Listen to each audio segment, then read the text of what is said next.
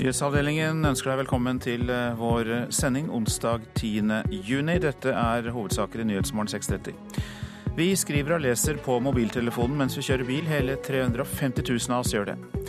Ulrik Rolfsens advokat krever at PST leverer tilbake regissørens opptak, og Virkes produsentforening mener beslagleggingen skaper usikkerhet blant filmskapere. Når politiet er villig til å gå inn og beslaglegge upublisert materiale hos Ulrik Rolfsen, så sprer det frykt. Hos han, hos andre produsenter, hos kilder. Direktør Torbjørn Urfjell i Virkes produsentforening. Senterpartiet mener medienes vinspalter er ensidig positive og vil stramme inn regelverket. Og annenhver bergenser har nå svekket tillit til byens politikere. Ja, 350 000 nordmenn skriver og leser på mobiltelefonen mens de kjører bil, og over en halv million sier de snakker i telefonen uten håndsett mens de kjører. Det viser en fersk undersøkelse. Sjåfører med lite fokus er et økende problem, mener Trygg Trafikk. Altfor mange kjører bil og har oppmerksomheten helt andre steder enn der den burde vært. Og det er rett og slett livsfarlig, advarer direktør Jan Johansen i Trygg Trafikk. En undersøkelse gjort av analyseselskapet Hugo for Trygg Trafikk og Gjensidige viser at det er så mange som 600 000 bilister som snakker i mobilen uten handsfree, selv om det er ulovlig. Og 350 000 nordmenn sier altså at de skriver eller leser på mobilen med én hånd på rattet og et halvt øye på veien. En SMS fjerner altså i snitt sjåførens øyne fra veien i ca. 23 sekunder. Dette dobler sannsynligheten for en uh, ulykke. Når vi sitter bak rattet på en bil, så bør vi ha oppmerksomheten 100% på veien og på uh, trafikken. Da vet vi at uh, man unngår mange ulykker, mange nestenulykker. Og, og vi vet også at det vil kunne redusere antallet trafikkulykker ganske så dramatisk. Og det var Marit Kolberg som var reporter. Hele det siste året har den såkalte islamske staten IS vært en sentral del av nyhetsbildet fra Midtøsten. De ytterliggående islamistene har erobret store områder i så vel Syria og som Irak, som vi vet. Midtøsten-korrespondent Sigurd Falkenberg Mikkelsen, du er nå med oss, og du er i den irakiske hovedstaden Bagdad. Du meldte om forvirring og IS-frykt for et år siden da du var der. Hvilket inntrykk har du nå? Krigen preger jo fortsatt eh, byen i stor grad, eh, men den frykten og forvirringen er eh, borte. Jeg merker ikke mye til noen stor frykt for at IS skal kunne ta Bagdad, slik, man, slik en del var urolig for for et år siden, pga. denne mobiliseringen som har foregått de, hos den sjiamuslimske befolkningen og alle disse militsene. Så føler folk seg tryggere på at IS ikke vil kunne rykke inn og ta Bagdad. Men det er klart at bilbomber og slike ting de kan fortsatt skape mye uro. Det har vært flere bilbomber her eh, i den siste tiden, eh, men det er i og for seg noe de også har eh, vent seg til å leve med her. Ja, Du mener altså at irakerne i hverdagslivet venner seg til bilbomber? For oss som bor i andre deler av verden, virker jo det usannsynlig? Ja, men uh, altså venner seg til. Det betyr ikke at de lever godt med det, men det, en, det, blir, det blir, en del av, av, dagliglivet. Du skal huske på at uh, dette har vært, uh, sånn har det vært her i mer eller mindre kontinuerlig hele perioden etter at amerikanerne rykket inn der, som nå er tolv år, år gammel lang, lang periode. Nå kan vi kanskje notere oss en viss uh, slitasje uh, i vestlige medier, altså at man har fått nok av Irak og skriver ikke så mye om det. Men uh, hvordan mener du at man skal kunne beskrive situasjonen i Irak i dag for den vanlige iraker? Det som jeg tror er eh, viktig, er at vi klarer å eh, skille mellom eh, det, de forskjellige periodene. Nå f.eks. er Irak inne i en ekstraordinær flyktningkrise som druknes litt av både av andre ting som skjer i resten av verden, men også av på, den pågående uroen her. Det siste halvannet året har tre millioner mennesker blitt drevet på, fullt, på flukt, i stor grad som følge av kampen mot IS. Mange av disse ofrene får ingen oppmerksomhet, og de får ikke nødhjelp heller. Og Det vi hører fra FN nå, er at de er tomme for penger. og Hvis ikke de får raskt penger, så vil de heller vil de bli nødt til å innskrenke det de driver med av nødhjelpsarbeid her.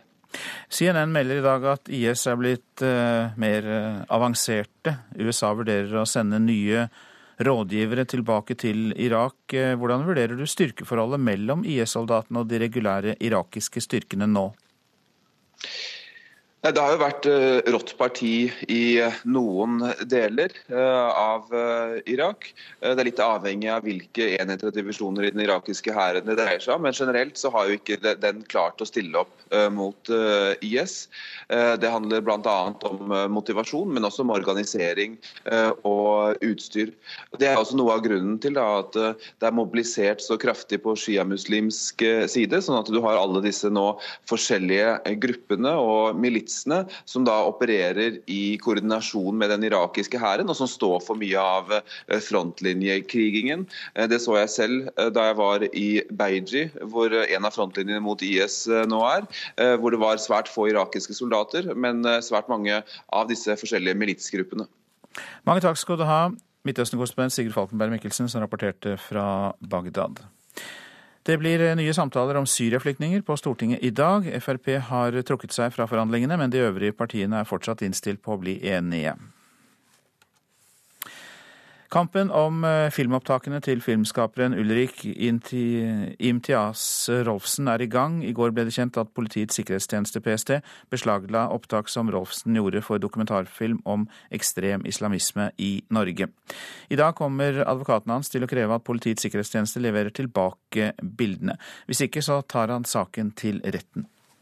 Vi kommer til å begjære beslaget utlevert fra PST og eh, forventer at de da følger reglene og utleverer det. I motsatt fall så vil vi eh, sende en begjæring til Oslo tingrett til eh, behandling av spørsmålet. Sier advokat Kim Gertz, som reagerer kraftig på beslaget. Det er jo et eklatant brudd på helt grunnleggende regler om kildevern. Opptakene skal vise en norsk 18-åring på vei til Gøteborg i en bil. Han skulle dra til Syria for å bli med i terrorgruppen IS, mener PST, og beslagla opptakene. PST hevder viktige bevis kunne gått tapt. Men det er Gertz uenig i. Det tror jeg er en klassisk begrunnelse de selvfølgelig gir. Ellers kunne de aldri gått inn og foretatt denne radsakingen på denne måten. Da må de ha en eller annen eh, hjemmel for det, og de klamrer seg til den, men den er jo riktig. Med alle truslene som Norge står overfor, bør ikke myndighetene også ha mulighet til å kunne gripe inn eh, dersom det kan hindre alvorlige aksjoner? Vi er alle interessert i å bekjempe terror. Men vi har også en del grunnleggende rettsregler som strekker lenger enn den enkelte sak, som strekker lenger til neste mandag. Som danner et grunnlag for prinsipielle avgjørelser. Og det er det viktig at vi tør å håndheve. PST sier de ikke har sett opptakene ennå, og ber Oslo tingrett om lov til å få se dem. Da vil en dommer vurdere om PST kan se opptakene, eller må levere dem tilbake.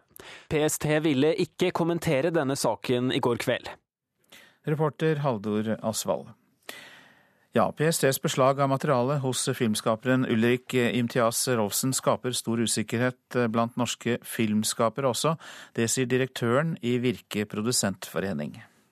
Vi ser at uh, Ulrik sjøl er redd for at han skal miste materialet, og at han blir forfulgt. Vi ser òg at andre filmskapere og produsenter er redd for at det samme skal kunne skje med de. Det sier direktør i Virke produsentforening Torbjørn Urfjell.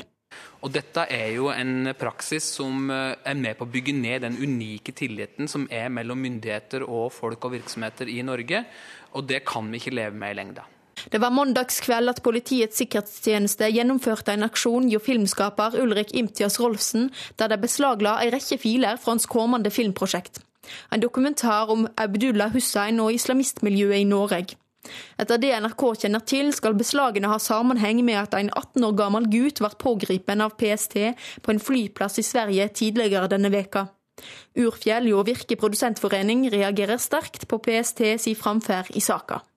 Når politiet er villig til å gå inn og beslaglegge upublisert materiale hos Ulrik Rolfsen, så sprer det frykt hos han, hos andre produsenter, hos kilder. Den frykten den er politiet ansvarlig for. og De har ikke klart å forklare seg godt nok slik at den frykten forsvinner. Det er de nødt til å gjøre. og Klarer de ikke det, så må justisministeren sørge for at uh, vi ikke lenger tror at Norge kan bevege seg mot en politistat. Urfjell er heller ikke den eneste som ønsker seg bedre svar. For SV-nestleder Bård Vegar Solhjell ba i går justisministeren om å få PST til å komme med en begrunnelse for beslaget. I en e-post til NRK tirsdag kveld forklarer PST at de foretok et hastevedtak for å få tak i opptakene til filmskaperen. Det forelå videre et vesentlig hasteelement for å forhindre at det viktige beviset ble forspilt, skriver PST i e-posten. Rolfsen sjøl sier at han ikke hadde planer om å slette noe materiale. Det ville vært en veldig dårlig filmskaper hvis jeg skulle slette det materialet her. Det er klart at det er interessant for meg å ha i, i filmen. Jeg sletter aldri noe råmateriale. Ja. Da vet de ikke så mye om å lage film hvis de tror at jeg sletter materialet jeg bruker energi på å skaffe. NRK har vært i kontakt med Justisdepartementet, og de ønsker ikke å kommentere saken fordi den fortsatt er under etterforskning, og reporter var Guro Kvalnes. Avisene i dag, hva skriver de, mon tro? Tre av ti kausjonister angrer på at de hjalp barna sine med lån til bolig, det kan vi lese i Dagens Næringsliv. I 40% av alle førstegangskjøp så står foreldre som kausjonister, og mange tenker ikke godt nok gjennom konsekvensene når de kausjonerer, sier kredittsjef Endre Jo Reite i Sparebank1. Stup i boligbyggingen er oppslaget i Finansavisen. Ser man bort ifra årene med finanskrise, er boligbyggingen her i landet den laveste på 20 år. I serien om unge navere har Dagbladet truffet Ace Landmark, som droppet ut av videregående skole og satt på gutterommet i fire år. Men med psykologhjelp og har han kjempet seg inn i arbeidslivet og er godt fornøyd med praksisplass som kokk i Hamar. På nyfødtavdelingen ved sykehuset i Kristiansand må foreldrene ta på hørselvern når legene snakker med andre foreldre om deres barn. Grunnen er kravet til taushetsplikt på intensivavdelingen, og sykehuset har ikke egne familierom der de fortrolige samtalene kunne ha funnet sted, skriver Federlandsvennen. 120 000 eh, krenkes seksuelt på jobb, viser nye tall Dagsavisen refererer til. Ofte er det yngre kvinner som utsettes for dette, og mange av dem sier ikke fra, slik at sakene ikke følges opp. Hvor lenge er eh, El Fati Berisha en mulig trussel mot Norge, spør Aftenposten. 18-åringen med bakgrunn fra Kosovo vil inn i Forsvaret, men venter på sikkerhetsklarering. Frykten for rikets sikkerhet fører til at mange tusen ungdommer trenger en utvidet sikkerhetsklarering, men listen over de land Forsvaret frykter er gradert og ikke offentlig. Kampflyene kan bli 13,5 milliarder kroner dyrere, er oppslaget i Klassekampen. Med dagens dollarkurs kan F-35 jagerflyene bli en prisbombe for Norge. Vi blir 200 000 flere hver dag, skriver Vårt Land. Jordens befolkning vil være på 11 milliarder i år 21 000, og det er grenseløs egoisme når menneskeheten overbefolker jordkloden på denne måten og ødelegger for natur og miljø, sier biolog Harald Kryvi. Brattøra ble en fiasko. Bydelen er død, innrømmer eiendomsutvikler Ivar Koteng i Adresseavisens serie om Trondheim sentrum. Ordfører Rita Ottervik sier Brattøra er for mye 8 16 bydel. Visjonene om byen som skulle møte vannet, ble i stedet visjonen om byen som møtte veggen, skriver avisas kommentator. Og nå blir det sommer i store deler av landet. Det er gledesbudskapet på hele VGs forside. Senterpartiet mener medienes omtaler av alkoholprodukter er ensidig positiv og fremstår som reklame. De vil begrense avisenes vinomtaler, noe Høyre mener er et angrep på ytringsfriheten. Det er ikke alltid så lett å vite hva man skal velge når man står på Vinmonopolet. Mens det er forbudt med alkoholreklame, så har mediene de siste årene brukt stadig mer redaksjonell plass på å anbefale vin og andre drikkevarer. Det synes ikke Kjersti Toppe i Senterpartiet noe om. En omtaler kun eh, det positive, med smak og pris eh, og, og hva det passer til osv. En omtaler aldri, eller nesten aldri, eh, de helseskadelige sidene ved alkoholbruk. Sånn at informasjonen blir veldig skeiv. Derfor mener hun at mediene må begrenses. Det kan ikke være fritt fram å anbefale den beste rødvinen til grillmaten. Det blir veldig ofte skjult reklame, mener hun. Da ønsker vi at en skal eh, gjøre en gjennomgang og en vurdering om en kan stramme inn regelverket, eh, sånn at en ser på ja, grensesnittet mellom eh, produktinformasjon, som da er tillatt, og reklame som da er forbudt. Jeg kan ikke forstå at så mange partier på Stortinget faktisk ønsker at politikere skal legge seg opp i hva norske medier skriver om sier Sveinung Stensland fra Høyre. Selv om forslaget ikke fikk flertall da det ble behandlet i helsekomiteen i går, synes han det er oppsiktsvekkende at de rød-grønne støtter det som opprinnelig er KrF-politikk. At eh, Arbeiderpartiet, SV og Senterpartiet stiller seg bak dette, det forundrer meg svært. Hvor skal grensa gå? Hvilke andre ting vil ikke politikerne at det skal skrives om? Eh, hvem skal avgjøre hva som er greit å skrive om og ikke. Eh, og Da begynner dette å, å vitne om sensur. Han mener forslaget er et angrep på ytringsfriheten, og er helt uenig i at medienes omtale kan sidestilles med alkoholreklame. Det er ikke reklame, det er objektive vurderinger av lovlig markedsførte produkter. Avisene hadde ikke brukt dette, latt de få forside og latt de få helside inne hvis ikke de òg førte til mer salg av aviser. Så at dette på en måte er en skjult eh, reklame, det tror jeg eh, ingen kan eh, si imot. Reporter Anne Mone Nordahl, og det blir debatt om denne saken i Politisk kvarter kvart på åtte, altså om en halvtime. Du lytter til Nyhetsmorgen, og klokken den er 6.46. Dette er hovedsaker. Hele 350 000 av oss skriver og leser på mobiltelefon mens vi kjører bil, viser undersøkelse. Ulrik Imtias Rolfsens advokat krever at PST leverer tilbake regissørens opptak. Og annenhver bergenser har svekket tillit til byens politikere. Mer om det snart. Nå om Celtic-spilleren Stefan Johansen, som er gull verdt for landslaget i fotball. Det mener i hvert fall landslagssjefen selv, Per-Mathias Høgmo. Utenlandsproffen har blitt eh, stor i Skottland, og er ifølge landslagssjefen et forbilde for de andre unge spillerne i landslagsgruppa. Og selv trives Johansen godt. Det er litt sånn type som jeg er også. Jeg har alltid vært en, en eh, person som liker å ha ansvar. Det får man aldri nok ut av. Man lærer mye i når man kommer til utlandet og sånn, at eh, det er ikke kun kapteinen som skal, skal, eh, bidra med å ta ansvar både på og utenfor banen. Etter sesongavslutningen i Skottland i år ble Stefan Johansen kåret til årets spiller, både av fansen og lagkameratene i Celtic. Kort tid etter ble 24-åringen også kåret til årets spiller av den skotske spillerforeningen PFA. I en landslagstropp med mange unge spillere er etablerte utenlandsproffer som Johansen gull verdt, ifølge landslagssjef Per-Mathias Høgmo. Fra en sped start hvor vi har veldig mange unge spillere som ikke har, hadde satt seg veldig, så begynner det etter hvert å, å bli flere som markerer seg i klubbene sine. Stefan er jo det beste eksempelet, som er blitt markant i Celtic. Og det ser vi også på landslaget. Han er blitt en markant spiller.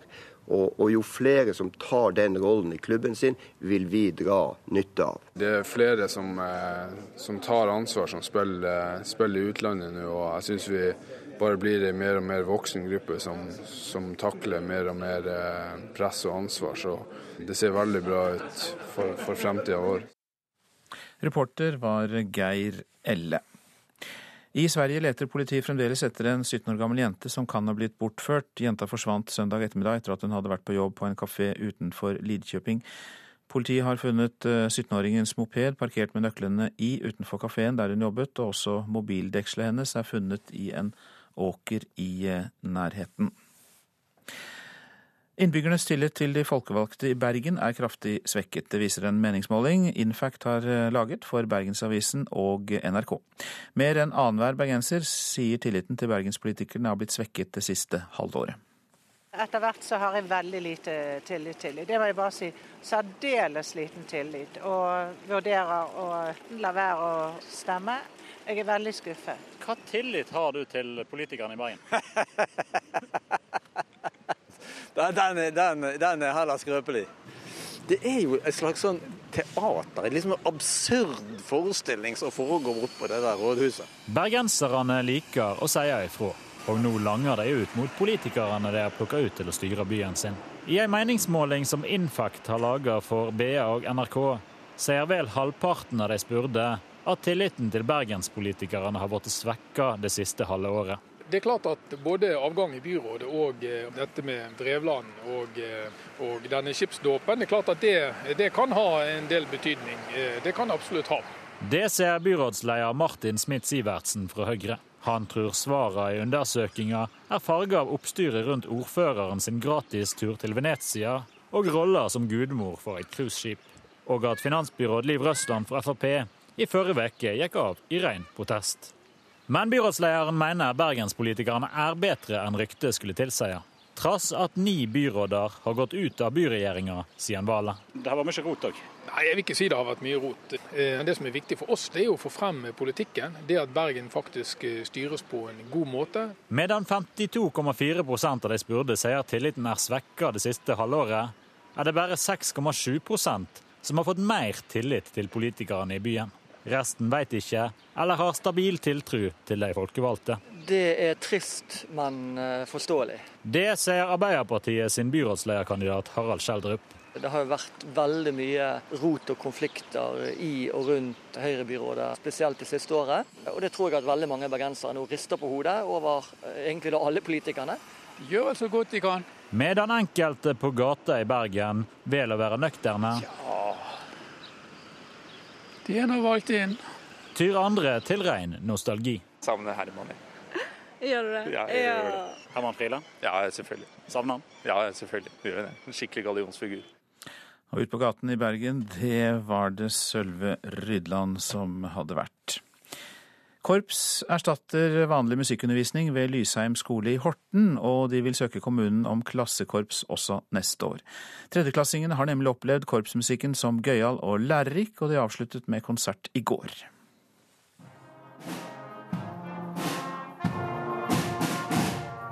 Sånn høres det ut når 22 tredjeklassinger har spilt sammen i ett år i musikktimene.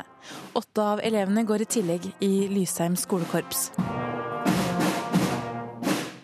Tidligere korpsleder Line Rønning Føsker deler ut blomster til dirigenten på avslutningsdagen.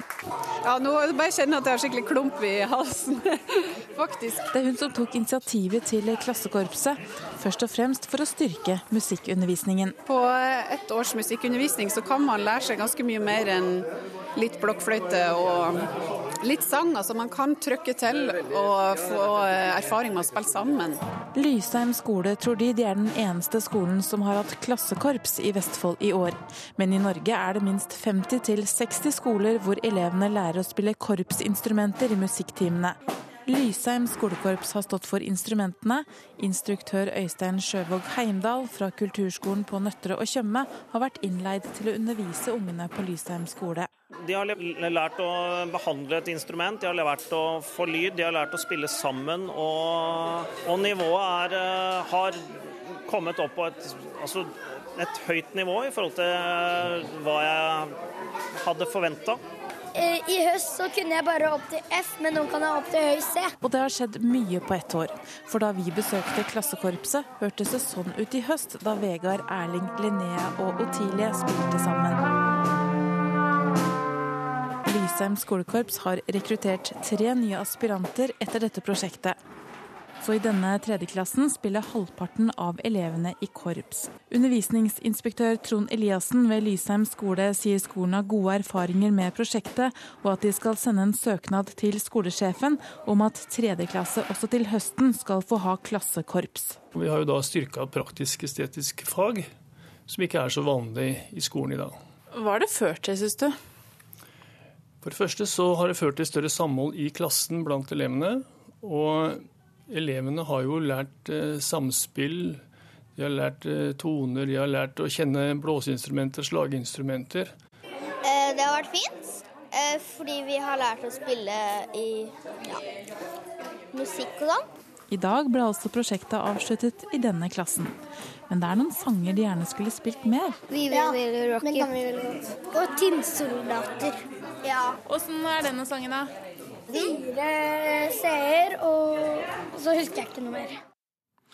Reporter i Horten Hege Therese Holtung. Og stiftelsen Korps i skolen har hjulpet omtrent 50 skoler i gang med slike klassekorps siden 2009. Nå om det mange kaller et nasjonalt klenodium, dansepaviljongen ved Glåmdalsmuseet i Elverum, tegnet av arkitekt Are Westerlid. Sønnen hans Arne sier det er trist at den unike paviljongen forfaller, mens spørsmålet om fredning har ligget hos Riksantikvaren i over et år. Westerlid mener vertskommunen burde engasjert seg mer for å ta vare på bygget. Jeg syns hele denne saken er veldig merkelig og trist. Stille, forlatt og preget av forfall ligger den der. Dansepaviljongen som på 60- og 70-tallet var det hotteste utestedet i byen. Sjøl ordføreren husker dansekveldene her. Jeg var her mye. Jeg var absolutt både på onsdager og søndager. Men nå ser verken han eller de andre politikerne i kommunen noen nytte i Are Vesterlis helt spesielle byggverk i betong og tre. For meg er det helt ubegripelig egentlig at man ikke har, ser potensialet i det bygget. For det, det, er som sagt et, et, bygg som kunne vært i bruk og til glede for alle i Elverum. Synes sønnen Arne Vesterli. Her oppe var restauranten. God beliggenhet. Eh, og kan tenke deg hvilken flott utsikt det var utover mot eh, Glomma her og god musikk trakk danseglade hedmarkinger, og gjorde Glåmdalsmuseets storsatsing på dansepaviljong og restaurant til en suksess. Og dansen gikk i et av etterkrigstidas viktigste byggverk, mener fagfolk. Så dette er uh, desidert et av de aller fineste arbeidene til, uh, til Are Vestli, og bør få en plass i norsk uh, arkitekturhistorie som et eksempel på en tretradisjon hvor Are Vesterlid videreutviklet og fornyet norske tretradisjoner. Sier direktør ved Nasjonalmuseets arkitekturavdeling, Nina Berre. Etter mye naboklager stilnet dansemusikken på 80-tallet. Etter tiår med forfall havna paviljongen som en fredningssak på Riksantikvarens bord. Der har den ligget i ett år, for museet vil rive.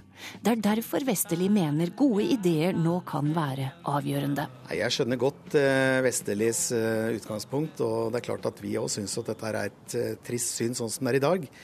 Men eh, det er jo tidens tann som på en måte har fått lov til å jobbe her, og det har vært vanskelig å finne etterbruk og fornuftig bruk av det. Svarer ordfører Erik Hanstad. Men, men igjen, altså, man, man, må jo kunne se på annen bruk enn at Ole Ivars kommer hver lørdag. Ordføreren mener tvert imot at de må vente med de gode ideene til Riksantikvaren har sagt sitt. Ja, for så vidt så, så gjør vi det, altså, og det tror jeg vi skal ha litt respekt for. for eh, Først må det være mulig å se om det kan bli til noe, om det kan restaureres. Og så kommer vi på banen. Hos Riksantikvaren opplyses det at de er i dialog med museet, men at det er uvisst når saken får sin løsning. Og En god dialog, det, da, da tolker jeg det sånn som at her er det en løsning på gang i en eller annen form. Reportasjen var laget av Torunn Myhre. Så til eh, værvarselet fram til midnatt. Fjellet i Sør-Norge. Vestlig stiv kuling utsatte steder. Regnbyger i vestlige og nordlige områder. Ellers stort sett oppholdsvær. Nedbør som snø over 1200 meter. Østlandet skyet eller delvis skyet oppholdsvær. Fra i ettermiddag lettere skydekke og sør for Mjøsa mye pent vær. Telemark for det meste lettskyet pent vær, men forbigående mer skyet vær først på dagen. Agder på kysten vest for Oksøy vestlig stiv kuling, minkende til kvelden. For det meste lettskyet pent vær i Agder, men forbigående mer skyet først på dagen også der. Rogaland fra i ettermiddag litt regn og yr nord for Stavanger, ellers skyet og delvis skyet oppholdsvær. I kveld kan det bli lokal tåke. Hordaland får litt yr og regn, først i nord. Det blir lokal tåke også der. Sogn og Fjordane ved Stad sørvest stiv kuling, i formiddag minkende til liten kuling. Det blir regn og yr og lokal tåke. Møre og Romsdal sørvest stiv kuling på kysten. I formiddag minkende til liten kuling, regn, yr og lokal tåke. Trøndelag sørvest eh, stiv kuling på kysten og regn. I formiddag minkende til vestlig liten kuling. I kveld eh, mot eh, frisk bris, og det blir noen regnbyger i kveld i Trøndelag. Nordland sørvest periodevis stiv kuling utsatte steder. Fra i ettermiddag vestlig liten kuling, regn og regnbyger, lokalt mye nedbør. Troms sørvest periodevis liten kuling utsatte steder. Fra i ettermiddag vestlig frisk bris, regn og regnbyger. Finnmark, der eh, blir det regnbyger, kort og godt. Nordensjøland på Spitsbergen, litt regn eller sludd, og vesentlig da i østlige områder. Så tar vi med oss temperaturene målt klokka fem. Svalbard lufthavn fire grader, Kirkenes ti, Vardø og Alta ni. Tromsø, Langnes og Bodø åtte, Brønnøysund sju, Trondheim-Værnes 8, Molde 11. Bergen-Flesland og Stavanger 9, Kristiansand-Kjevik 7, Gardermoen og Lillehammer 9, Røros 5 og Oslo-Blindern 10 grader.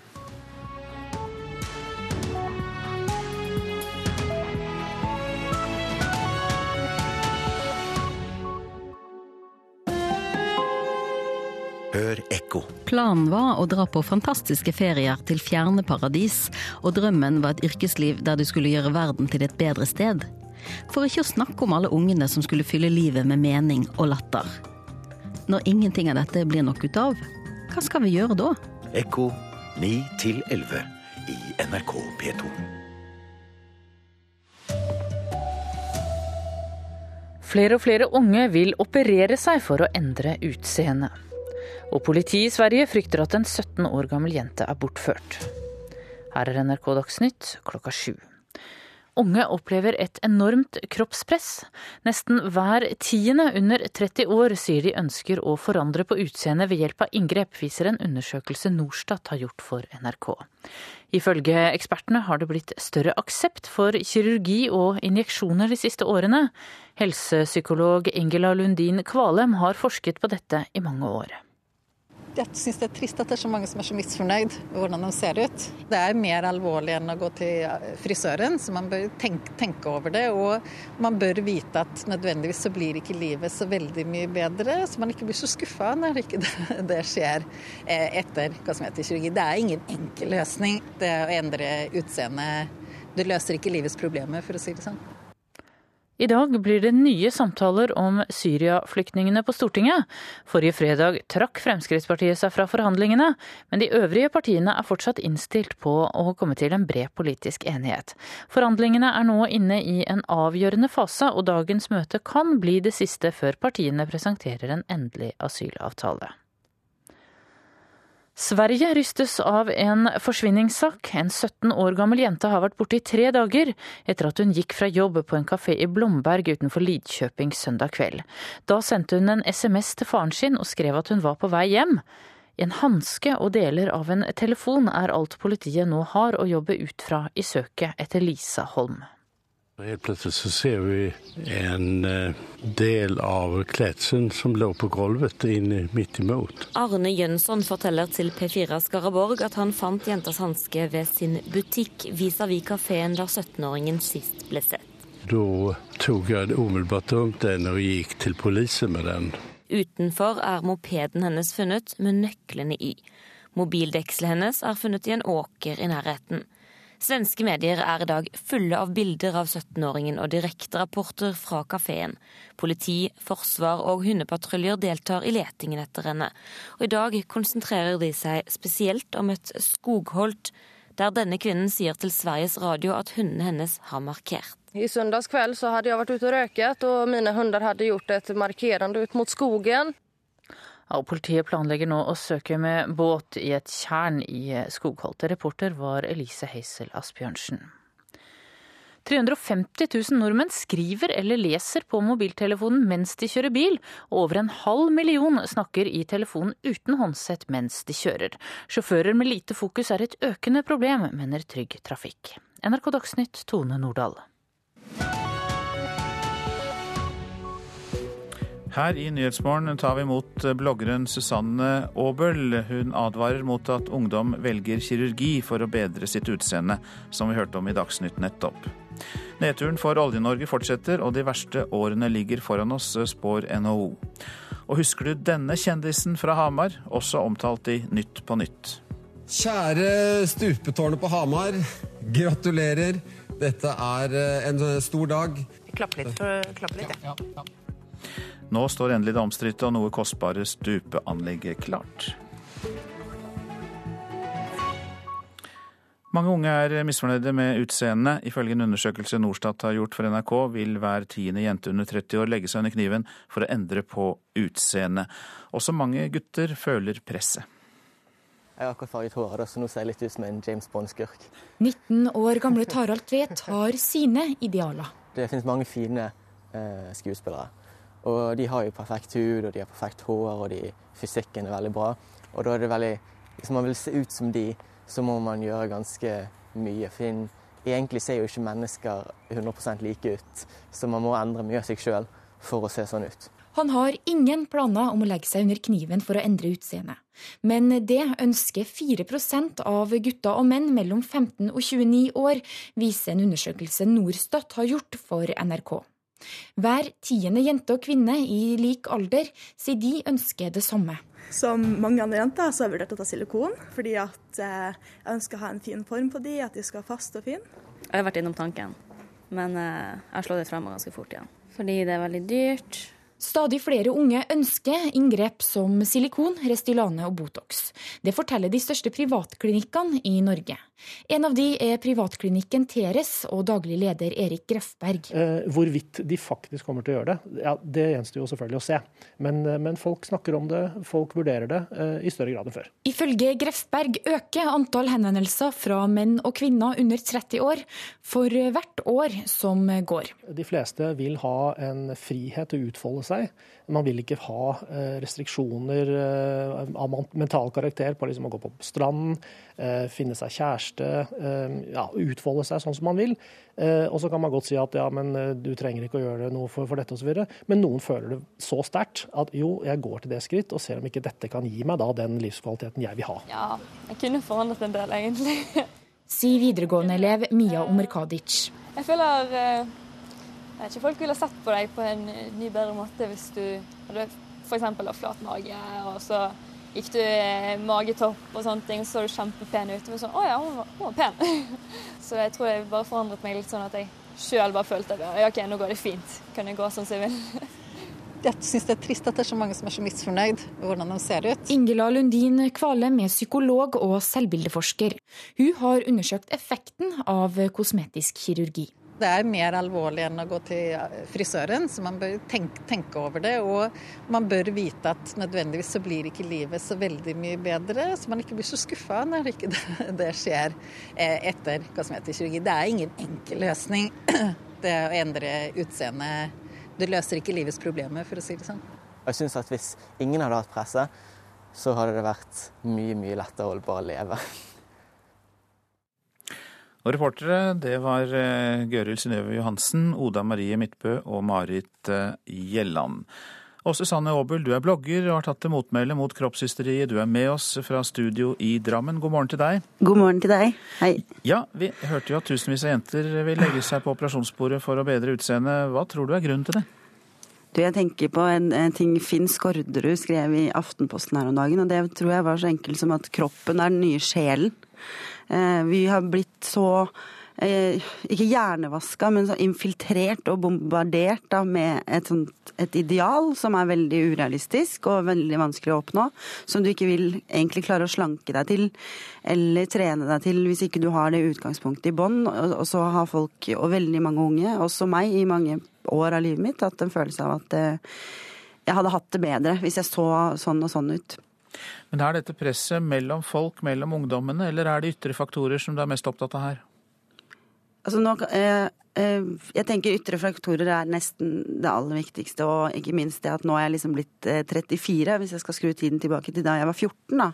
Hvordan jeg forholdt meg til kropp og sjel og utseende da. Det er sånn Jeg har vært innom eh, nettsidene til Colosseumsklinikken, jeg, eh, til og med etter at jeg fikk barn, og titta. Eh, jeg har egentlig kommet fram til at så lenge det ikke er medisinsk grunnlag for det, så syns jeg det er uetisk og helt på trynet å operere seg for å se en, på en viss måte ut. Og jeg tenker at for de 150 000 kronene du bruker hos en privat kirurg for å løfte puppene eller for mindre nese, som er helt ekstremt overfladisk og uviktig, så hadde du fått mange timer i en veldig deilig psykologstol, som ville gjort akkurat den samme nytta for deg, mest sannsynlig.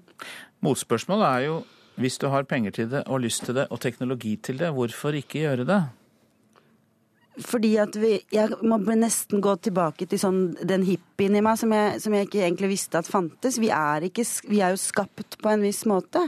Og hvis ikke du har eh, gått ned 50 kilo i vekt og trenger å operere vekk overflødig hud, eller har utstående ører så det er vanskelig å høre, eller hvis ikke, er, hvis ikke du trenger narkose og to, alvorlige operasjoner, så kan, jeg, kan, ikke jeg respektere deg for at du går og legger deg under kniven på den måten. Og jeg kan forstå, jeg har jobbet med Sofie Elise, som er en kjent blogger som er, har vært veldig åpen om at hun eh, mener at hun har fått et bedre liv med plastisk kirurgi. Og jeg kjenner henne, og jeg vet at det, det har det på en måte det har på en måte virka for henne. Men til gjengjeld så, så, har hun akkurat fylt 20 år, da.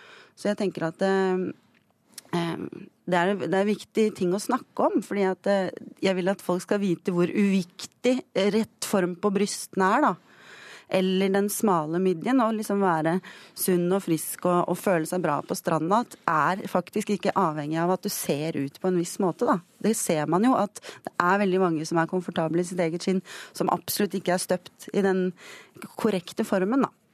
Er samtaler mellom ungdommene viktig for å være komfortabel i eget skinn og stå imot disse kaskadene av påvirkning utenfra? Ja, helt klart. Og da tenker jeg tilbake på eh, barneskolelæreren min. For jeg husker at han hadde satt opp et bilde av kona si.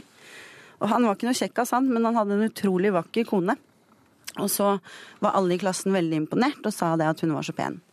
Og så fortalte han oss til oss, og det liksom har jeg aldri glemt, og det var at han sa at det er vanskelig for dere å forstå nå, men eh, at hun er pen, er liksom bare en bonus, fordi at eh, det er, det er ikke utseendet hennes jeg elsker.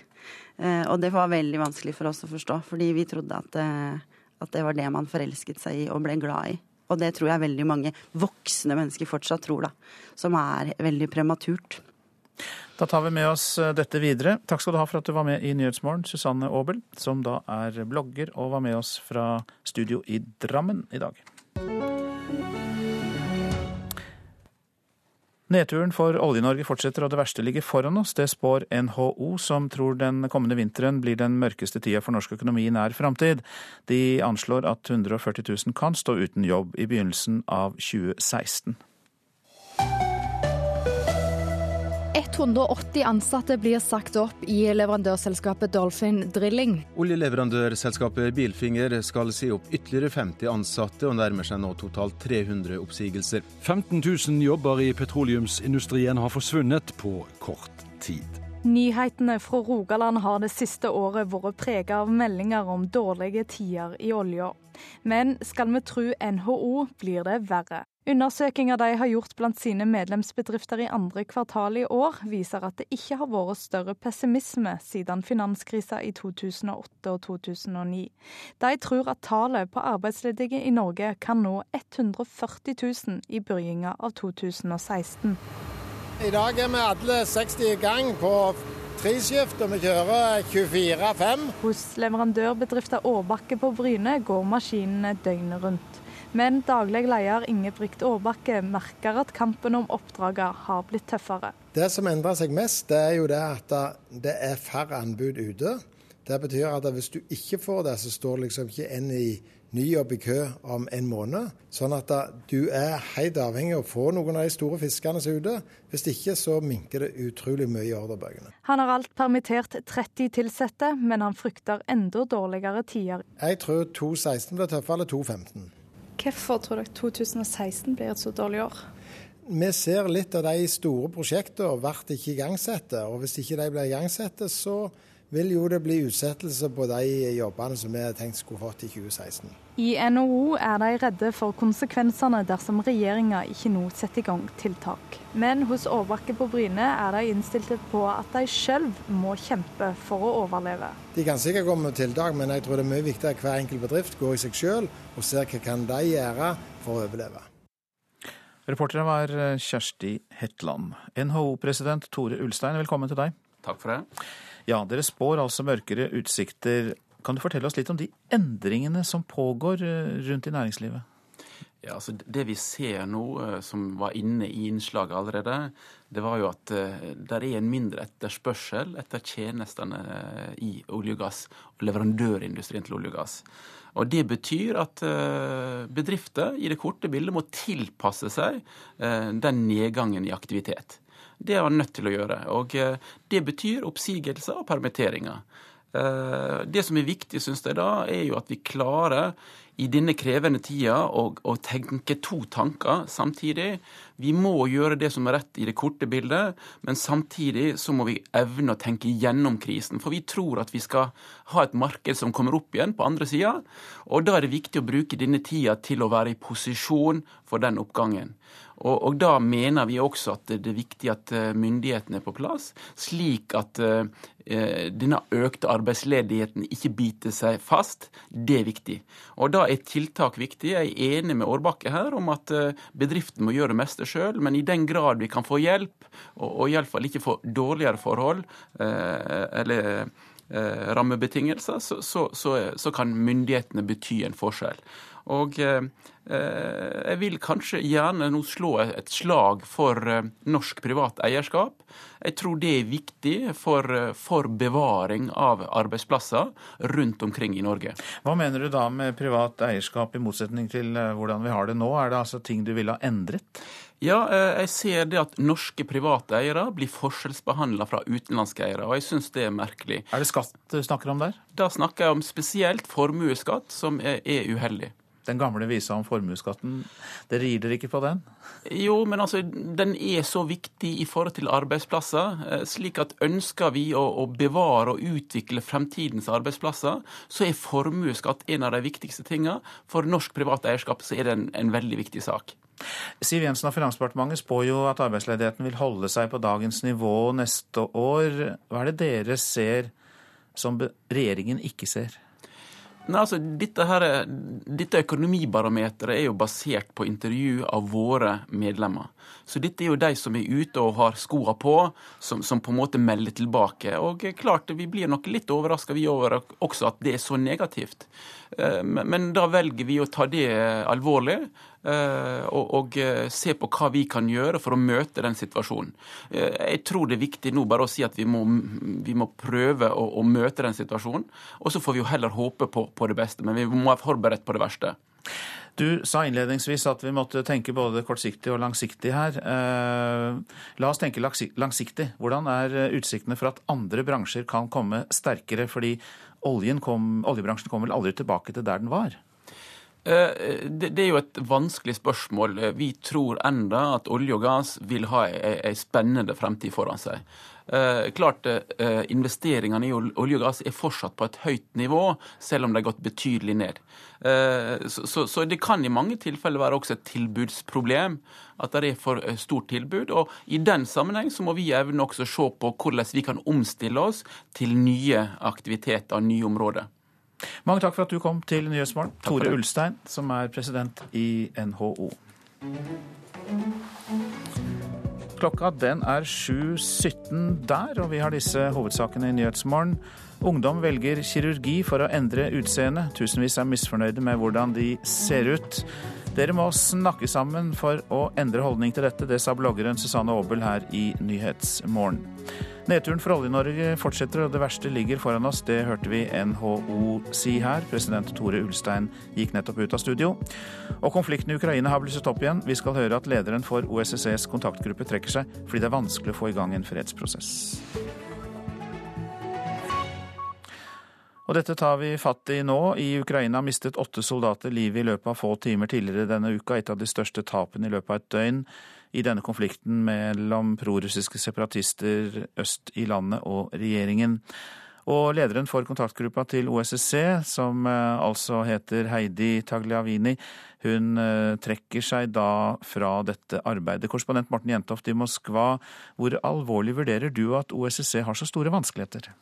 Ja, Det er klart at eh, det er alvorlig, og det kom nok som et sjokk på mange at Heidi Tagliavini nå trekker seg. Hun har vært sentral i det lille som har vært av dialog mellom partene i denne konflikten. Og eh, hun roses av begge parter for at hun i en del tilfeller har klart å roe ned situasjonen, sånn at den ikke har utviklet seg til, til det verre.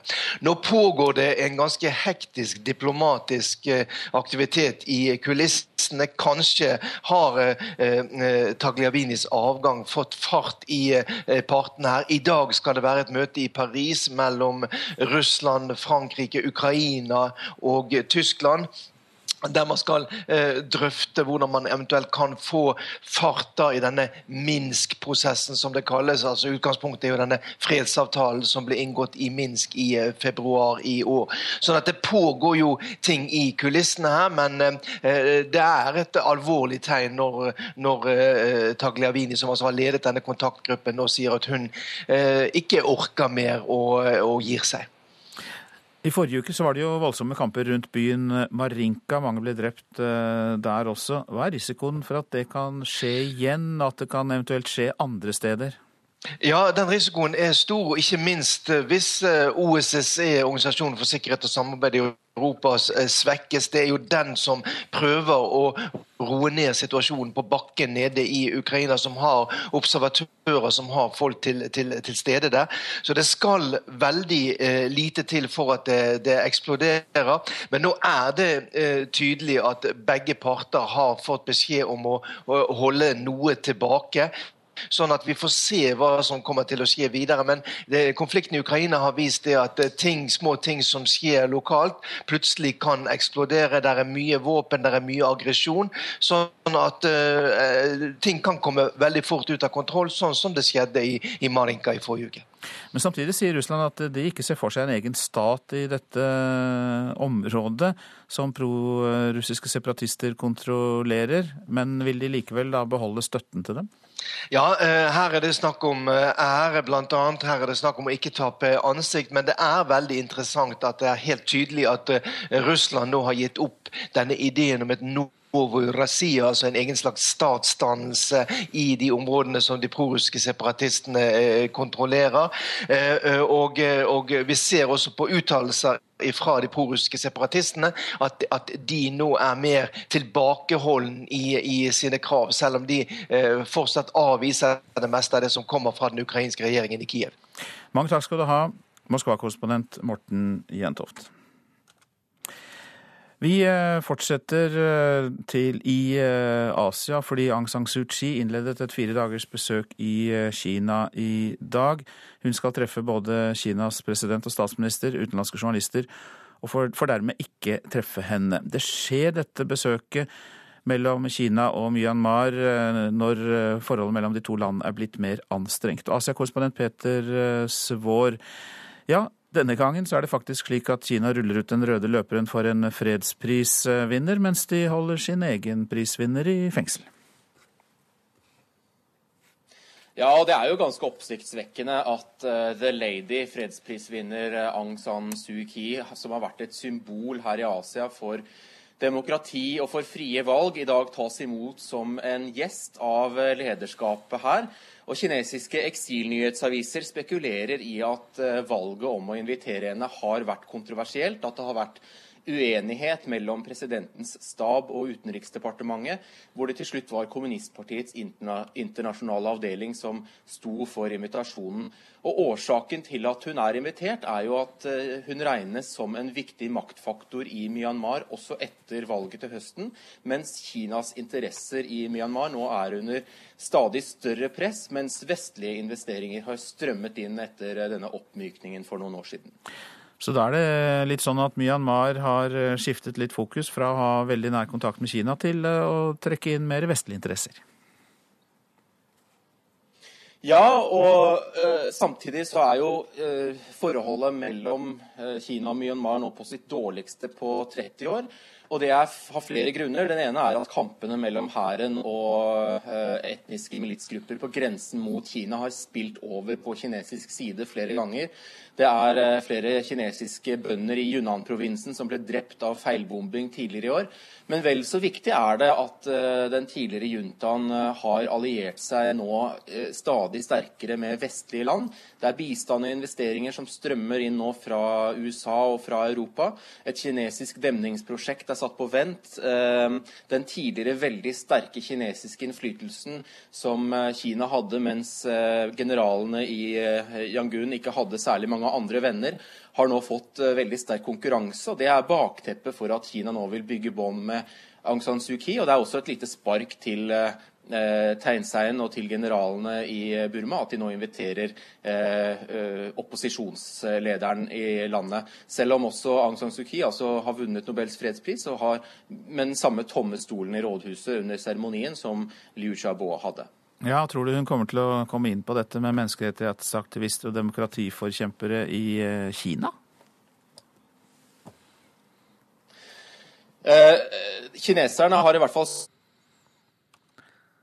Der hørtes det ut til at vi mistet kontakten Sørget for at om hun gjør det, så er det ingen som får høre om det. For vi utenlandske journalister har fått beskjed om at eh, hele programmet for dette besøket er hemmelig. Det er ikke engang mulig å komme i nærheten av henne. Og det er kun utvalgte journalister fra de statlige kinesiske mediene som får dekke dette besøket.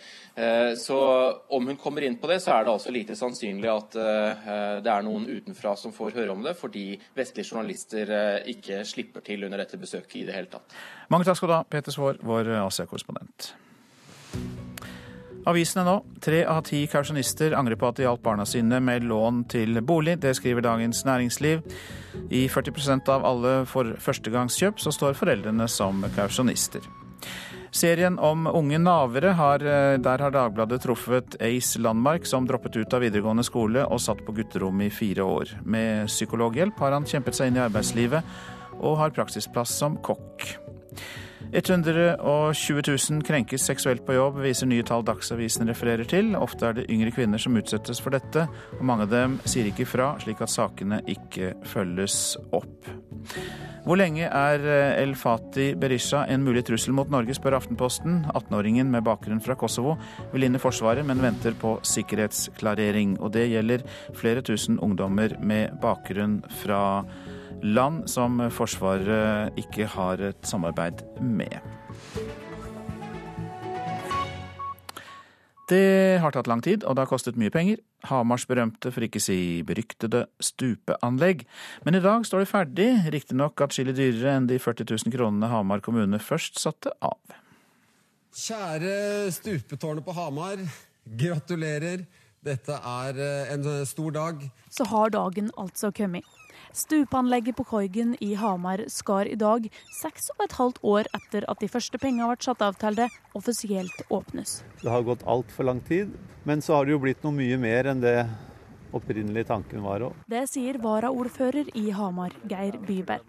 Mannen som i denne sammenhengen gjerne kalles stupetårnets far. Ja, det er riktig det. I hvert fall hver gang det er krise, så blir jeg stupetårnets far. Det som er riktig, er at det var mitt forslag at vi skulle starte planlegging av et stupetårn. Og det var mitt forslag å sette av penger til det. Høsten 2008 bestemte kommunestyret i Hamar å sette av 40 000 kroner for å fullføre badeanlegget på Koigen med et stupetårn. Byberg kom altså med ideen om å utvide dette til et badeanlegg, og 1,5 million kroner ble lagt på bordet, og en arkitekt ble kontakta. Planene ble presentert og satt ut i livet. Men uforutsette hendelser gjorde at kommunen stadig måtte hente ferske kroner ut av lommeboka. På det verste så det ut til at fullførelsen av stupetårnet ville koste nær 30 millioner kroner. Stupetårnet i Hamar har gjort seg bemerka langt utafor byens grenser. Ikke bare har Nytt på Nytt ført byggeprosessen. Det har jo vært et langt løp. Det har kostet tid, det har kostet penger. Eh, ikke minst så har det kostet prat. Vi Har jo, dere har jo gitt oss noe å snakke om her, her i Nytt på Nytt, og for det er vi takknemlige. Arne Hjeltnes har også skrevet en roman fritt inspirert av hendelser i Mjøskanten. Han sa dette til NRK da han lanserte boka i fjor høst. Av og til så jo, eh, ikke, strekker jo ikke fantasien til der virkeligheten virkelig leverer de helt utroligste ting. Hvordan kan det egentlig gå for en så enkel idé som å lage stupebrett, til å verte et årelangt millionprosjekt? Ideen om et stupebrett er jo kanonbra, og det må en jo gjerne ha. Men så har det da havarert totalt da, i en jeg tror det må være en slags sånn fyrverkeri av velmeinende inkompetanse og konsulenter og prosjekter, og, og så blir egentlig ideen om det vesle stupebrettet forsvinner litt i, i, hele prosessen. Og dette har nådd ut til folk. Det var allerede i vinter det hvor jeg gikk tur, og da ble jeg stoppa av noen turister som ville bli tatt bilde av. De hadde kjørt enkomst inn til Hamar for å se stupetårnet og ta bilde av seg selv foran det. da. Det er jo ikke det man ønsker å få oppmerksomhet for. Så, så må man tåle at, blir, at man blir tulla med. Og, og, jeg tror at den oppmerksomheten vi har fått, den, den vil i netto bli bra. Men eh, jeg skulle ønske at det var andre årsaker til det. Men 11-12 millioner for et stupeanlegg er fortsatt ganske mye penger? Du ser jo at det har en verdi på mer enn de 1,5 som vi starta med. Men 11-12 eh, millioner er også mye penger. Jeg håper at eh, det kommer til å vise i fremtiden at den summen er det verdt.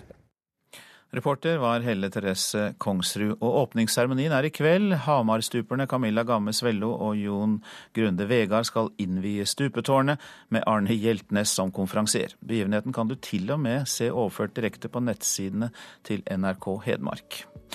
Du lytter til Nyhetsmorgen, produsent i dag Marit Selmer Nedrelid. Her i studio, Øystein Heggen. Duell om Syria-flyktningene mellom FrPs Per Sandberg og Venstres Guri Melby kan du få i Politisk kvarter kvart på åtte. Og bør vi få forbud mot vinspalter i avisene? Det skal også opp til debatt der.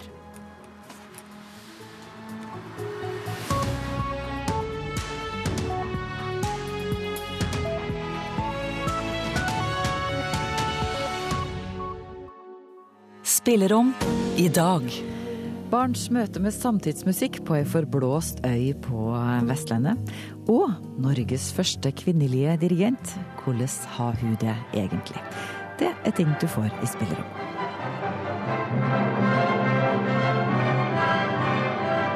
Spillerom i dag klokken 11 på NRK P2.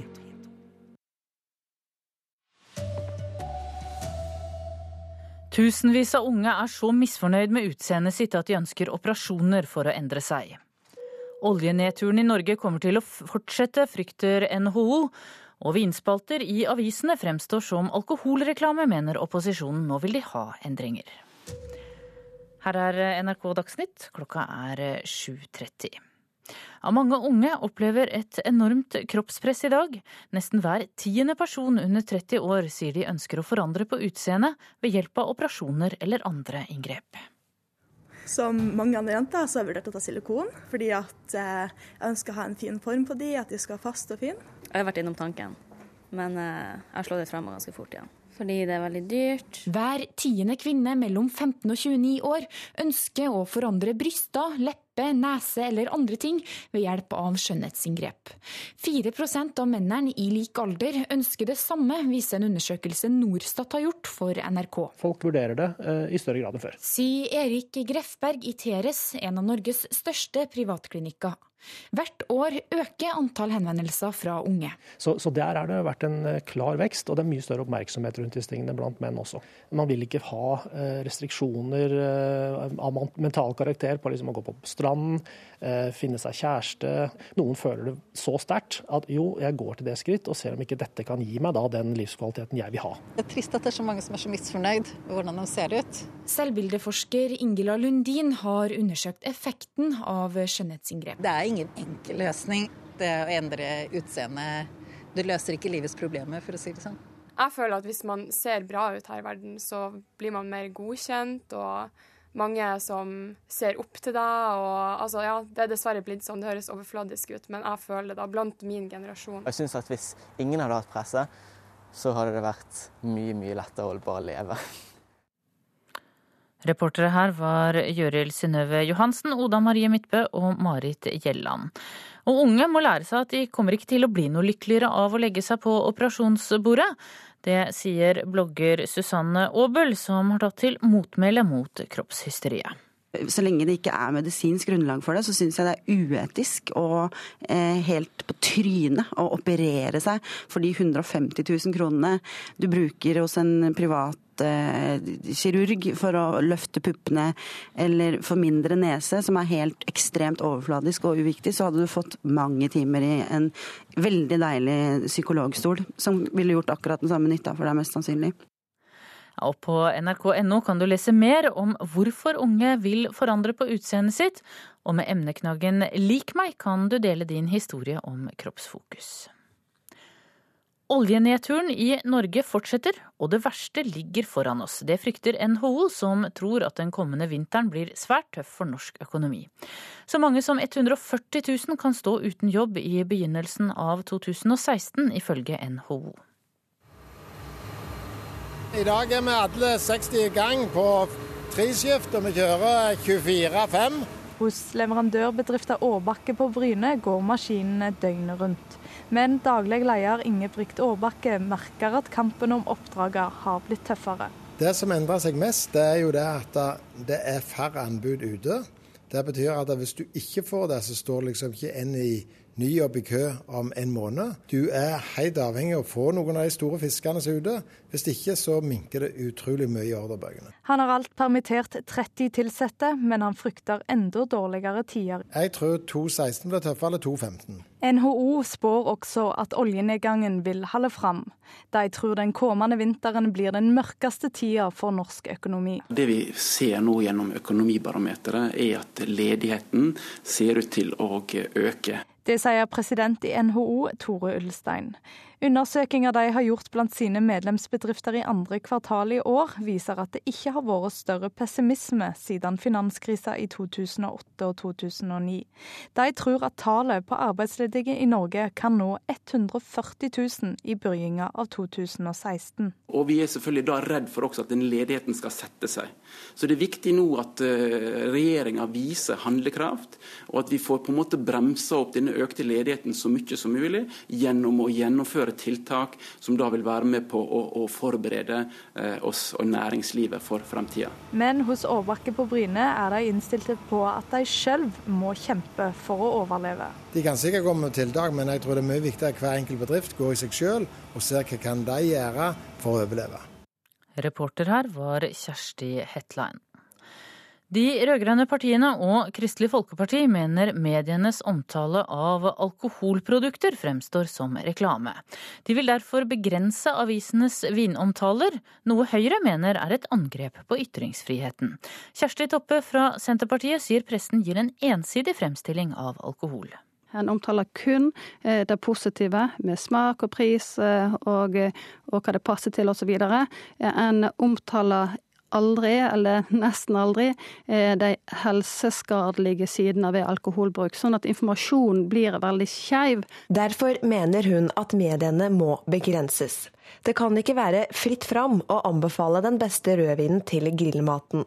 Det blir veldig ofte skjult reklame, mener hun. Da ønsker vi at en skal eh, gjøre en gjennomgang og en vurdering om en kan stramme inn regelverket, eh, sånn at en ser på ja, grensesnittet mellom eh, produktinformasjon, som da er tillatt, og reklame, som da er forbudt. Jeg kan ikke forstå at så mange partier på Stortinget faktisk ønsker at politikere skal legge seg opp i hva norske medier skriver om sier Sveinung Stensland fra Høyre. Han mener forslaget er et angrep på ytringsfriheten, og er helt uenig i at medienes omtale kan sidestilles med alkoholreklame. Det er ikke reklame, det er objektive vurderinger av lovlig markedsførte produkter. Ja, Det blir eh, debatt om dette i Politisk kvarter på P2 klokka kvart på åtte. Reporter var Anne Mone Nordahl. Kampen om eh, opptakene til filmskaperen Ulrik Imtias Rolfsen er i gang. I går ble det kjent at Politiets sikkerhetstjeneste beslagla opptak Rolfsen har gjort til en film om ekstrem islamisme. I dag kommer advokaten hans til å kreve at Politiets sikkerhetstjeneste leverer bildene tilbake. Hvis ikke tar han saken til retten. Vi kommer til å begjære beslaget utlevert fra PST, og eh, forventer at de da følger reglene og utleverer det. I motsatt fall så vil vi eh, sende en begjæring til Oslo tingrett til eh, behandling av spørsmålet. Sier advokat Kim Gatch, som reagerer kraftig på beslaget. Det er jo et eklatant brudd på helt grunnleggende regler om kildevern. Reporter her var Haldor Asvald. Og PST ber Oslo tingrett om å få se bildene. Trolig blir det en dommer som avgjør om Politiets sikkerhetstjeneste får se bildene eller må levere dem tilbake. PST ønsket ikke å kommentere denne saken i går kveld. I dag blir det nye samtaler om Syria-flyktningene på Stortinget. Forrige fredag trakk Fremskrittspartiet seg fra forhandlingene, men de øvrige partiene er fortsatt innstilt på bred politisk enighet. Forhandlingene er nå inne i en avgjørende fase, og dagens møte kan bli det siste før partiene presenterer en endelig avtale. 350 000 nordmenn skriver eller leser på mobiltelefonen mens de kjører bil. Og over en halv million sier de snakker i håndholdt mobiltelefon mens de kjører, viser en ny undersøkelse. Sjåfører med lite fokus på veien er et økende problem, ifølge Trygg Trafikk. Altfor mange kjører bil og har oppmerksomheten helt andre steder enn der den burde vært.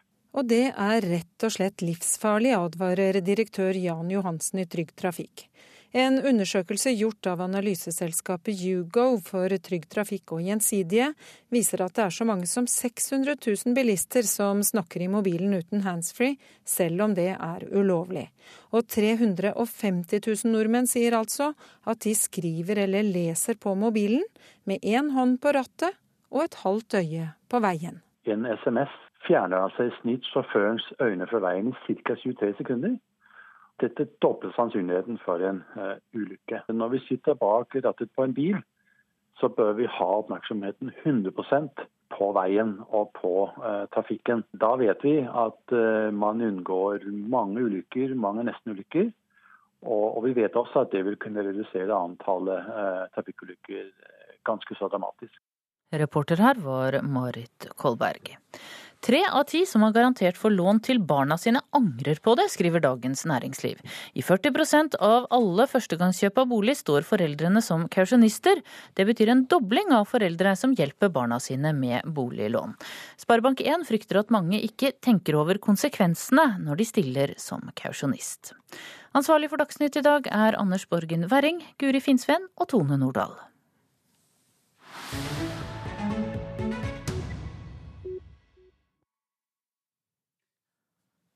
Du lytter til eh, Nyhetsmorgen. Britenes forhold til Europa er en evigvarende diskusjon, ser det ut til. Mange briter vil helst melde landet ut av EU, mye pga. tyskernes dominans der. Samtidig er andre briter, som statsminister David Cameron, svært så opptatt av å blidgjøre tyskerne. Ikke minst forbundskansler Angela Merkel, i håp om å få gjennom reformer slik at Storbritannia kan fortsette som EU-medlem. Ja, alt dette er eh, rammet inn i ny og gammel galgenhumor, forteller Espen Aas fra London, her med et uh, kjent eksempel. Is there something wrong? Will you stop talking about the war? Me? You started it? We did not start it. Yes, you did. You invaded Poland. John Cleese i Basil Fawltys skikkelse fleiper med britenes forhold til tyskerne for 40 år siden, da Storbritannias EU-medlemskap kun var et par år gammelt, og få hadde begynt å hate EU skikkelig ennå. Absolutely no sense of humor, do you? This is not funny! Oh, why the bloody war anyway? Men ting skulle endre seg de neste tiårene, og noen, som Nigel Farage, lederen for det britiske anti-EU-partiet UKIP, dro i 2011 inn nettopp Tyskland og krigen da han snakket om sitt forhatte EU i EU-parlamentet. Something that the European project was actually supposed to stop. Something that those that went before us actually paid a heavy price in blood to prevent. Briter flest derimot ser ut til å ha mer problemer med tyskerne og strandhåndklær.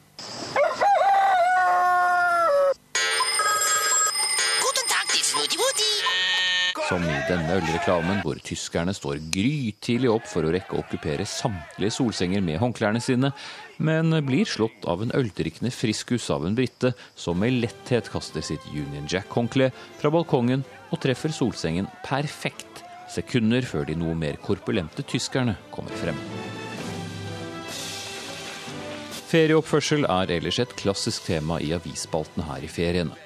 I fjor skrev tyske og engelske aviser hatartikler mot hverandre etter at Bilt omtalte britiske sydenturister som fulle, feite og solbrente. Den seriøse avisen The Daily Telegraph svarte med å omtale tyske turister som arrogante, kjedelige og vel nakne. Før artikler som Kampen om strandhåndklærne, Hvorfor liker vi ikke tyskere, Overraskende fakta om tyskere og Tyskerne er det mest troende folket til å gå nakne kom på rekke og rad. Strandhåndklær, solbrenthet og vel, nakenhet til tross, det er jo ikke noe annet land Storbritannia er mer opptatt av å blidgjøre om dagen enn nettopp Tyskland. Særlig ikke statsminister David Cameron. Får han overtalt forbundskansler Angela Merkel til å reformere EU litt, tror han at Storbritannia forblir i EU, selv om det blir folkeavstemning innen utgangen av 2017. I sommer reiser også dronning Elisabeth til den konghuselskende republikken, så de politiske kjærtegnene de kommer tett. Bare ingen snakker om du vet. Don't mention the war. I mentioned it once, but I think I got away with it all right. So, it's all forgotten now, and let's hear no more about it. So that's two egg mayonnaise, a prawn Goebbels, a Hermann Goring, and four... Hør ekko. Planen var å dra på fantastiske ferier til fjerne paradis, og drømmen var et yrkesliv der du skulle gjøre verden til et bedre sted. For ikke å snakke om alle ungene som skulle fylle livet med mening og latter. Når ingenting av dette blir nok ut av, hva skal vi gjøre da? Ekko 9 11 i NRK P2. Dette er hovedsaker i Nyhetsmorgen. Ungdom velger kirurgi for å endre utseendet. Tusenvis er misfornøyde med hvordan de ser ut. Ungdom må lære seg at de ikke blir lykkeligere av å legge seg på operasjonsbordet, sier bloggeren Susanne Aabel. Nedturen for Olje-Norge fortsetter, og det verste ligger foran oss. Kommende vinter kan 140 000 stå uten jobb, spår NHO i ny rapport. 350 000 nordmenn skriver eller leser på mobiltelefonen mens de kjører bil. Over en halv million sier de snakker i håndholdt mobiltelefon mens de kjører, viser en ny undersøkelse. Ulrik Imtias Rolfsens advokat krever at PST leverer tilbake regissørens opptak. Hvis ikke tar advokaten saken til retten. Om få sekunder så åpnes Politisk kvarter, og programleder der er Astrid Randen.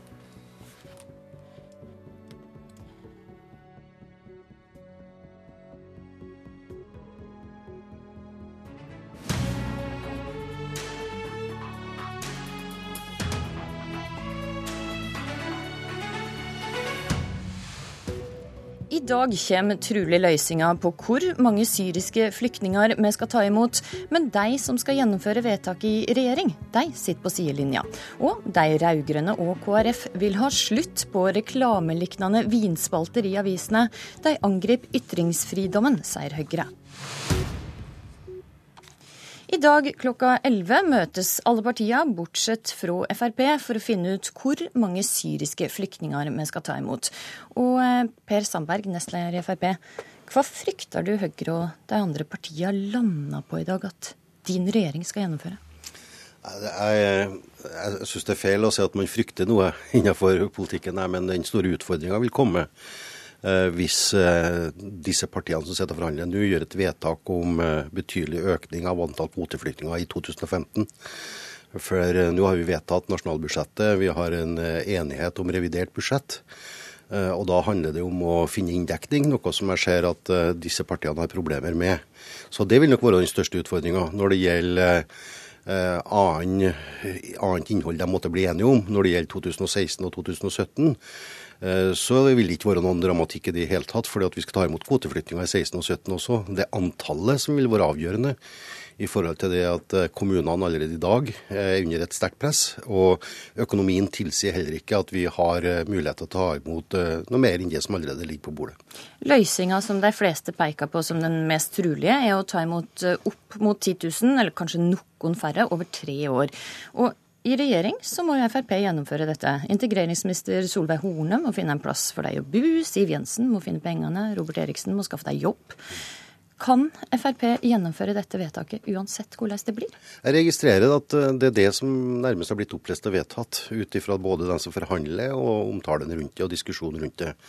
Men for Fremskrittspartiet sin del så er det landsstyremøtet og landsmøtet som er avgjørende. Vi har et vedtak bak oss i landsmøtet som er ganske klart og tydelig. Eh, og det er klart at kostnadene ved å ta imot 10 000 syriske flyktninger, i tillegg til alle de andre vi skal ta inn, eh, er vesentlig. Vi snakker om to milliarder i året de ti første årene. Så det blir det også milliarder, så kommer det milliarder, så kommer det milliarder i tillegg utover disse 20 milliardene også. Om man skal ha skole, eh, barnehage, helse, bolig, én ting. Men det kommer utfordringer langt utover det også. Og da når vårt landsmøte har vært så klar og tydelig på dette, så vil man se det vedtaket som må komme på bordet nå, ut ifra forhandlingene. Og så vil da vårt landsstyremøte nødvendigvis i oktober gjøre de nødvendige vurderingene i forhold til at det er ansvarlig å sitte og administrere det vedtaket. Og hvis svaret da er nei? Vil det stille kabinettspørsmål? Ja, det, det, er jo litt av, avhengig igjen av vedtaket. Hvis man skal være så useriøs som Arbeiderpartiet har vært i dette tilfellet, la meg få si det med en gang. Det er ikke noe overraskende med at Venstre har gjort det vedtaket på sitt landsmøte. Heller ikke Kristelig Folkeparti. Det har vi forventa. De har kjempa for økt inntak av flyktninger og asylsøkere i mange mange år. Men at Arbeiderpartiet plutselig snur i løpet av et døgn, det er useriøst og uansvarlig. og Derfor dannes det også et flertall for å ta inn så mange syriske flyktninger. Men, Men hvis ditt eget parti nå La oss si at de blir enige om å ta imot 7000-8000 eh, flyktninger over tre år. Ditt landsstyre si nei til det? Ja, så er det spørsmålet da? 7000-8000 i forhold til hva? Vi skal sannsynligvis ta imot kvoteflyktninger i 2016. Skal man ha 3000 i tillegg til det? Skal man øke fra 2000 til 5000 i 2016? Skal man øke fra 2000 okay, til 5000 spørsmålet i mitt var egentlig 2017? hva hvis ditt Da- landsstyre sier nei til det vedtaket som Stortingets flertall Ja, går inn for? altså Hvis mitt landsstyre sier det at dette er så uansvarlig at dette kan ikke Fremskrittspartiet være med å administrere, så er det et klart signal til regjeringa. Da må det gå ut av regjering. Ja, ta dissens, eh, kabinettspørsmål, det er mange løsninger på det. Men alt avhenger av hva og hvilket vedtak Arbeiderpartiet presser gjennom i Stortinget. Frp trakk seg jo da fra disse forhandlingene og fikk markert en motstand. Men var det egentlig lurt, når det mista all mulighet til å påvirke resultatet? Jeg regner med at vår parlamentariske leder, som jeg har hatt noen samtaler med, har vært med på mange møter. og Når han trakk seg fra disse forhandlingene, så var det med bakgrunn i et klart og tydelig vedtak fra vårt landsmøte. Eh, Og han trakk seg med bakgrunn i at det som lå på bordet, var umulig å forhandle ned. Eh, Med bakgrunn i det vedtaket. Så det var nok helt riktig at vår parlamentariske leder eh, Harald Tom Nesvik gjorde det. Hvor tenker du da om at Høyre fortsetter? Ja, Høyre har vel en annen agenda i, forhold til De frykter vel kanskje da at Arbeiderpartiet vil presse gjennom et stort eh, antall nye kvoteflyktninger, og vil prøve å få dette ned. Hvorvidt at de får resultat ut av det, det vil vise seg når, når vedtak kommer. Guri Melby fra Venstre i Oslo, du mener Frp taler med to tunger her. På hvilken måte da? Ja, eh, De fleste av oss som driver politikk, vi er jo opptatt av, å få gjennomført det vi mener. Eh, Så når Venstre vedtok at vi ønska å ta imot 10 000 syriske flyktninger, så jobber vi for å få gjennomført det. Og jeg mener at vi også, i den posisjonen vi har nå, som samarbeidsparti med regjeringa, har greid å flytte flyktningepolitikken ganske mange steg. Vi dobler nå antall eh, flyktninger eh, som vi tar imot av kvoteflyktninger, også før disse forhandlingene om Syria-flyktningene. Og det at det i det hele tatt sitter et stortingsflertall nå og forhandler, ikke bare om vi skal ta imot Spørsmålet gjaldt om Frp. ja, men det at det sitter stortingsflertall og faktisk forhandler om, ikke bare om vi skal ta imot syriske flyktninger, men hvor mange, mener jeg er et viktig steg i riktig retning. Okay, så og så har jeg lyst til å minne til, ja, så har jeg lyst til å minne Per Sandberg om noe som Frp sa da de gikk inn i regjering. Eh, For det de sa var at for oss er ikke det viktigst å sitte i svarte biler, for oss er det viktigst å styre og få gjennomført politikken vår. Men spørsmålet mitt er jo da, når de eh, ja, i løpet av et par uker nå, egentlig i praksis, eh, har stilt seg utafor viktige eh, vedtak i Stortinget. Eh, og det siste er nå at de går ut av eh, disse forhandlingene. For det er jo rett som programlederen sier, at eh, dersom Frp da aksepterer dette forhandlingsresultatet, så er det jo mange av deres statsråder som er nødt til å gjennomføre det. Men i stedet for da å sitte i forhandlingene og påvirke resultatet, så stiller de seg utafor.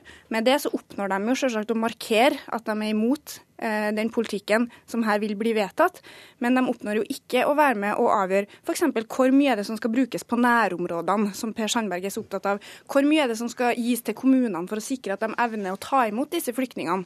Så, så jeg mener jo at Frp egentlig må ta et valg. Enten så kan de velge å være et markeringsparti sånn som de har vært i mange år før, eller så må de være et ansvarlig parti som faktisk ønsker å påvirke den politikken som landet her styres etter. Mm, per Sandberg, et markeringsparti eller et ansvarlig regjeringsparti? Fremskrittspartiet er det eneste ansvarlige partiet når vi snakker om eh, 10 000 syriske flyktninger til Norge. Både i forhold til økonomi og i forhold til de utfordringene kommunene står overfor.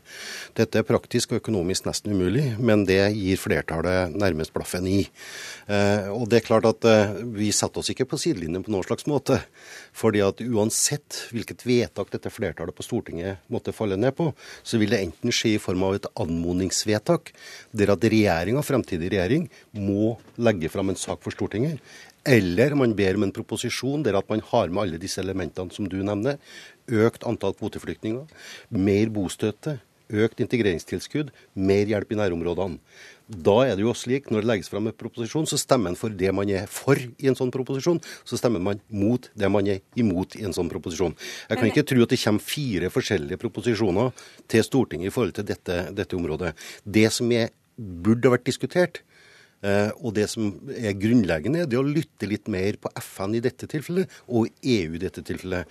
Jeg kan ikke forstå hvorfor at Norge har et overordna ansvar, et større ansvar enn andre land i forhold til å ta imot kvoteflyktninger fra Syria, eh, eh, når vi ser at Norge allerede gjennom en avtale med Venstre og KrF.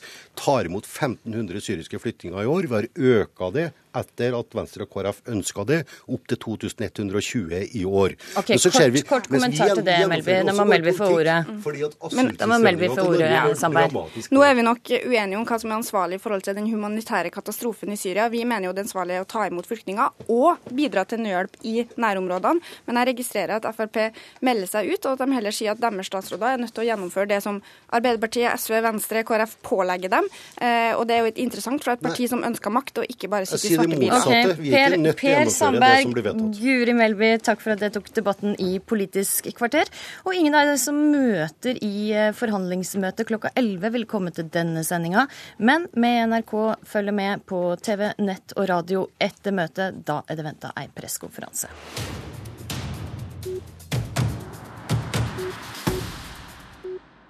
Avisene har altfor mye omtale av vin. Det mener de rød-grønne og KrF, som i går ble samlet i Stortinget om et vedtak som vil avgrense de mange vinspaltene i avisene. Dette er et angrep på ytringsfridommen, mener Høyre. Kjersti Toppe, medlem i helsekomiteen for Senterpartiet. Hva er gale med vinspaltene og vinomtalen i avisene i dag? Eh, eh, for det første så er det jo et eh, veldig stort omfang. En kartlegging fra 2008 viste at det var seks helsider bare de fire største avisene hver uke. Så det er omfanget. Og så er det òg at en bruker reklamen sine virkemidler med, med bilde, beste kjøp, terningkast videre. Så sånn at vi frykter at dette undergraver eh, det reklameforbudet mot alkohol som er i Norge, og det er òg et forbud mot tekstreklame. Eh, så Derfor så er det problematisk, og vi ønsker at en kan se på dette og se om vi kan finne en, et tydeligere regelverk som kan eh, redusere bruken, iallfall få en mer edruelig forbrukerinformasjon om alkohol. Sveinung Stensland, medlem i helsekomiteen for Høyre. Hver helg så kan en lese ting som f.eks. fem friske sommerviner til under 100 kroner, og her er de beste boblene. Toppe har vel litt rett i at de mange vinomtalene grenser litt opp mot reklame? Denne saken handler ikke om å begrense vinomtale, den handler om å begrense pressens frihet til å sette trykk det de ønsker. Det, det som er interessant i denne debatten, her, det er at et stort mindretall på Stortinget ønsker å begrense pressens frihet til å sette ting på trykk. Og det mener jeg er et angrep på ytringsfriheten. Det er det denne debatten bør handle om. Det Men svar på det om, om det ligner litt på reklame, for det er jo det som er argumentasjonen fra de rød-grønne og KrF her. Dette, avisene skriver om uh, mye forskjellige ting. Noen ting liker vi, noen ting liker vi ikke. Noen aviser velger å sette på trykk vinomtale. Folk er opptatt av vin, folk vil lære mer om vin. Og dette er da avisene sitt svar på det. Dette er ikke reklame. I, eh, i Vær varsom-plakaten punkt 2.6 så står det at alle redaksjoner skal motarbeide ethvert angrep på å viske ut skillet mellom, mellom eh, reklame og redaksjonell omtale. Og det å kalle dette reklame, det er å gå for langt. Igjen, Toppe, det er vel litt spesielt at det på Stortinget skal sitte og bestemme hva en redaktør eller, eh, redaktør eller redaksjon skal skrive i avisa? Eh, det blir å ta det for langt, for selvfølgelig så skal eh, mediene få, få, få skrive om al alkohol. Eh, men jeg forventer jo òg at da pressa skriver om de negative sidene om alkohol. Nå er det jo en ensidig framstilling på redaksjonell plass. Det så du er ikke fornøyd med redaksjonene i dag, og vil styre deg? Men, ja, men det som vi kan bry oss om, det er jo at vi har et lovverk som er bestemt av Stortinget. Nettopp at en har et reklameforbud, og en har et forbud mot tekstreklame. Og Da blir det for enkelt å si at uh, dette omhandler ikke reklameforbudet, uh, og at en på Stortinget som helsepolitikere ikke skal mene noe om alle de uh, såkalte forbrukerinformasjonene, som, som, er en veldig stort volum. Og jeg sier ikke vi skal innskrenke ytringsfriheten, men at en går inn og ser på regelverket, om det er mulig å ha en, en, et bedre regelverk. Nå bekrefter Senterpartiet jo nettopp at de ønsker å gå inn og styre hva som skal på trykk, og de mener det skrives for lite om noe og for mye om noe. Og det er nettopp det jeg ser på som pressefrihet og redaksjonell frihet. I et moderne demokrati så er det, er det like viktig som, som stemmeretten at vi har medier som bestemmer sjøl hva de setter på trykk. Reklame for alkohol det skal vi ikke ha. Vi skal heller ikke ha eh, politisk reklame i, i, TV, er det noen som mener. Men vi er nå på TV og snakker om politikk hele tida for det. Altså, Vi kan ikke sitte på Stortinget og diktere hva avisene skal ha i, i, på trykk. Men vi kan selvfølgelig ha regler for hva som er lov å reklamere for. Og det er et sylskarpt skille mellom betalt kommunikasjon, altså reklame, og redaksjonell omtale. Samtidig så er det òg sånn at mange mennesker er opptatt av vin, de har det som hobby. Men jeg lurer på én ting. Hjemme i min bokhylle står det en haug med vinbøker, og jeg vil si det er minst like salgsutløsende å lese en god vinbok som å lese en god vinomtale i avis. Mener, mener Kjersti Toppe at det skal bli forbudt å, å selge vinbøker òg, da? Altså, Svar på det, Toppe. Eh, dette blir jo useriøst, eh, alvorlig talt. Eh, og det er jo ikke dette når Høyre ikke vil gå inn og se på regelverket engang, og synes at den situasjonen som er i norske medier i dag, der det er helsider hver eneste uke, uten å ville diskutere om dette kan uthule reklameregelverket, så, og, og synes at dette er greit. Selvfølgelig ikke. Så skal vi jeg sa det, vi skal ikke forby å, å, å skrive om alkohol. Eh, men eh, når vi har en praksis i aviser som uthuler det som er, er, er lovverket med reklameforbud. Ja, hvem skal bestemme? Reklame. Ok, så, Beklager, beklager. Der må jeg avbryte dere. Kjersti Toppe fra Senterpartiet, Sveinung Stensland for Høyre, takk for at det kom til Politisk kvarter. Denne sendinga er slutt. I studio i dag var Astrid Rande.